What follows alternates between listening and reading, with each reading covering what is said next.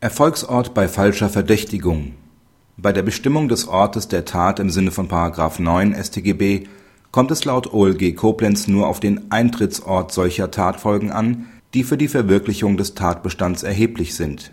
Bei einer falschen Verdächtigung nach § 164 StGB ist daher derjenige Ort maßgeblich, an dem die Verdächtigung den Behörden zugegangen ist, nicht jedoch der Ort, an dem dann tatsächlich ein Verfahren eingeleitet wurde der Angeklagte hatte in H. gegenüber einem Polizisten einen Dritten vorsätzlich falsch verdächtigt.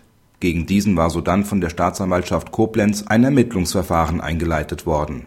Gegen den Angeklagten war deshalb später in Koblenz eine Anklage unter anderem wegen der falschen Verdächtigung erhoben worden. Das dortige Gericht hat aber seine örtliche Zuständigkeit verneint. Vom OLG Koblenz wurde diese Entscheidung jetzt bestätigt die örtliche Zuständigkeit des Koblenzer Gerichts habe sich nicht aus § 9 StGB ergeben. Der Erfolg der falschen Verdächtigung sei nicht in Koblenz eingetreten, auch wenn dort gegen das Opfer ein Ermittlungsverfahren eingeleitet worden war.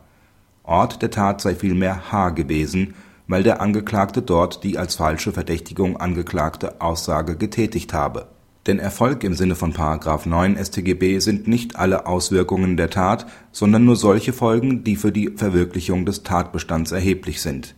Bei der falschen Verdächtigung nach § 164 StGB handele es sich um ein Absichtsdelikt mit überschießender Innentendenz.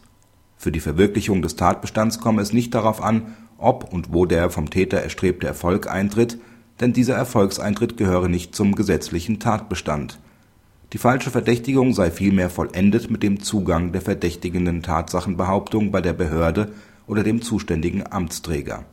Damit komme es aber nicht auf den Ort an, an dem das beabsichtigte Verfahren eingeleitet und die Tat beendet wird.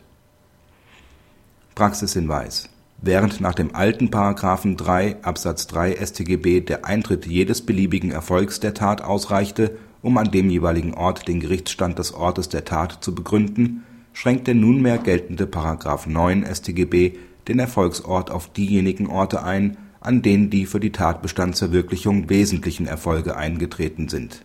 Dass diese Differenzierung bei einigen Delikten praktisch durchaus von Bedeutung sein kann, demonstriert die vorliegende Entscheidung des OLG Koblenz